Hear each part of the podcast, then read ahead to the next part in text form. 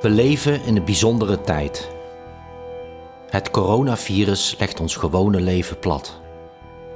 Wat we aanvankelijk dachten dat het wel voorbij zou waaien, blijkt nu direct ons eigen leven enorm te beïnvloeden. Het verschrikkelijke nieuws dat ons iedere dag bereikt over de zieken en nabestaanden van de overledenen. En dan ook nog in een ultieme eenzaamheid sterven zonder familie of vrienden in de nabijheid.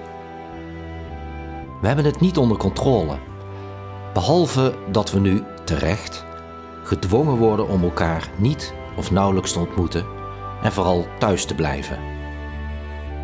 Het gevolg is steeds meer isolatie, vooral van ouderen, toenemende onzekerheid, waar dit toe zal leiden en wellicht vragen als: hoe lang duurt het nog?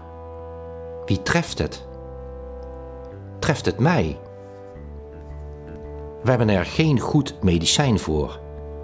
Maar wanneer wel?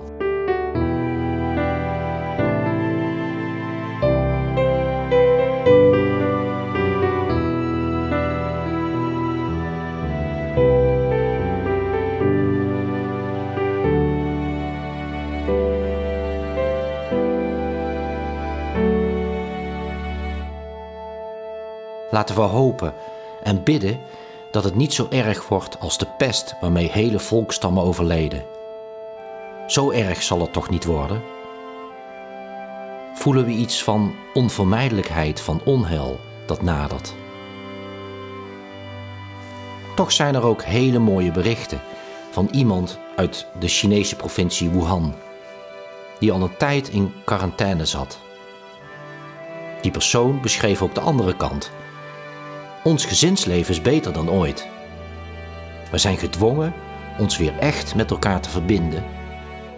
En we leren opnieuw hoe te communiceren.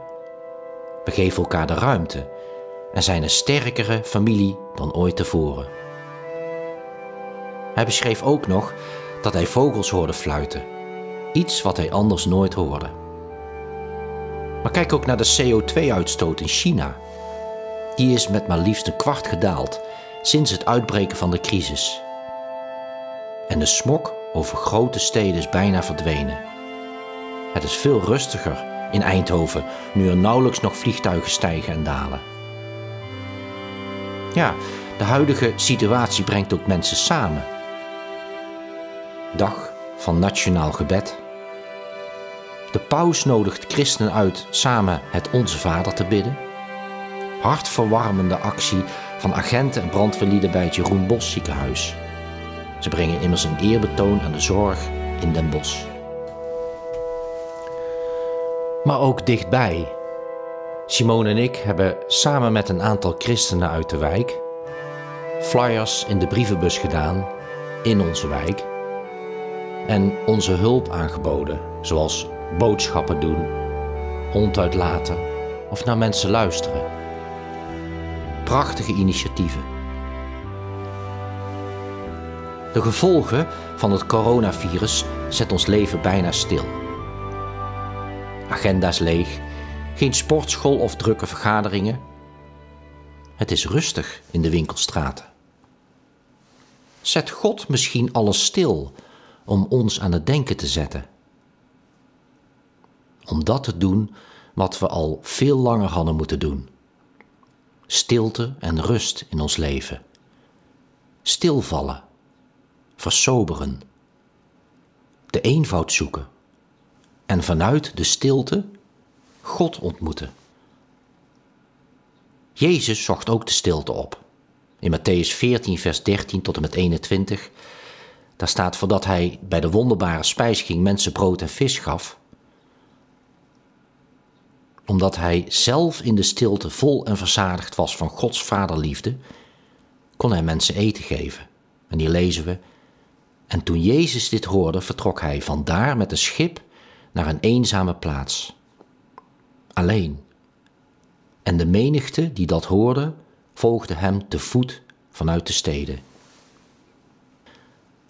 Omdat Jezus nu wist dat zij zouden komen en hem met geweld mee zouden nemen, om hem koning te maken, trok hij, trok hij zich opnieuw terug op de berg. Hij zelf alleen.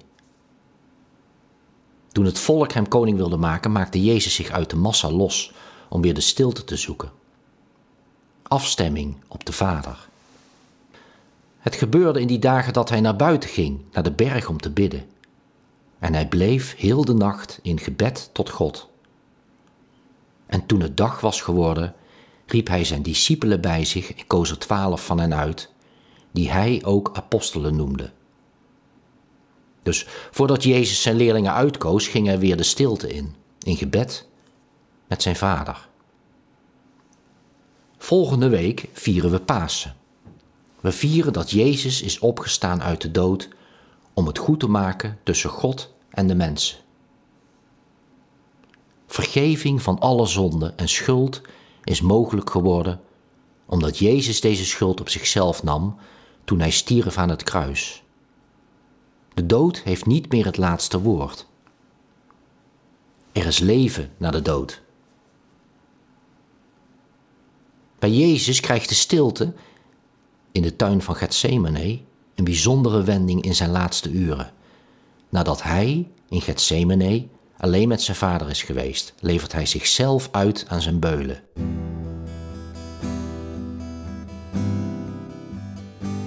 En het was ongeveer het zesde uur en er kwam duisternis over heel de aarde tot het negende uur toe. Zijn wij in staat om Jezus te volgen, vanuit de stilte die ons nu geboden wordt?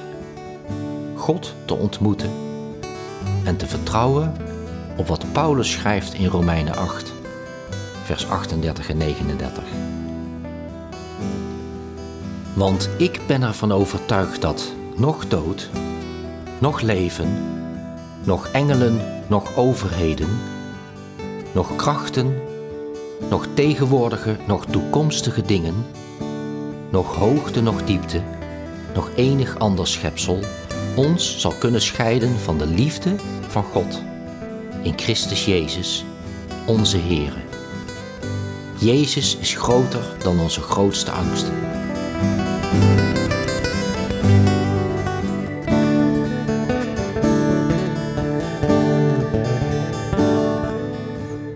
Trouwe God, help ons te vertrouwen op U en vanuit de stilte naar U te luisteren en U te ontmoeten.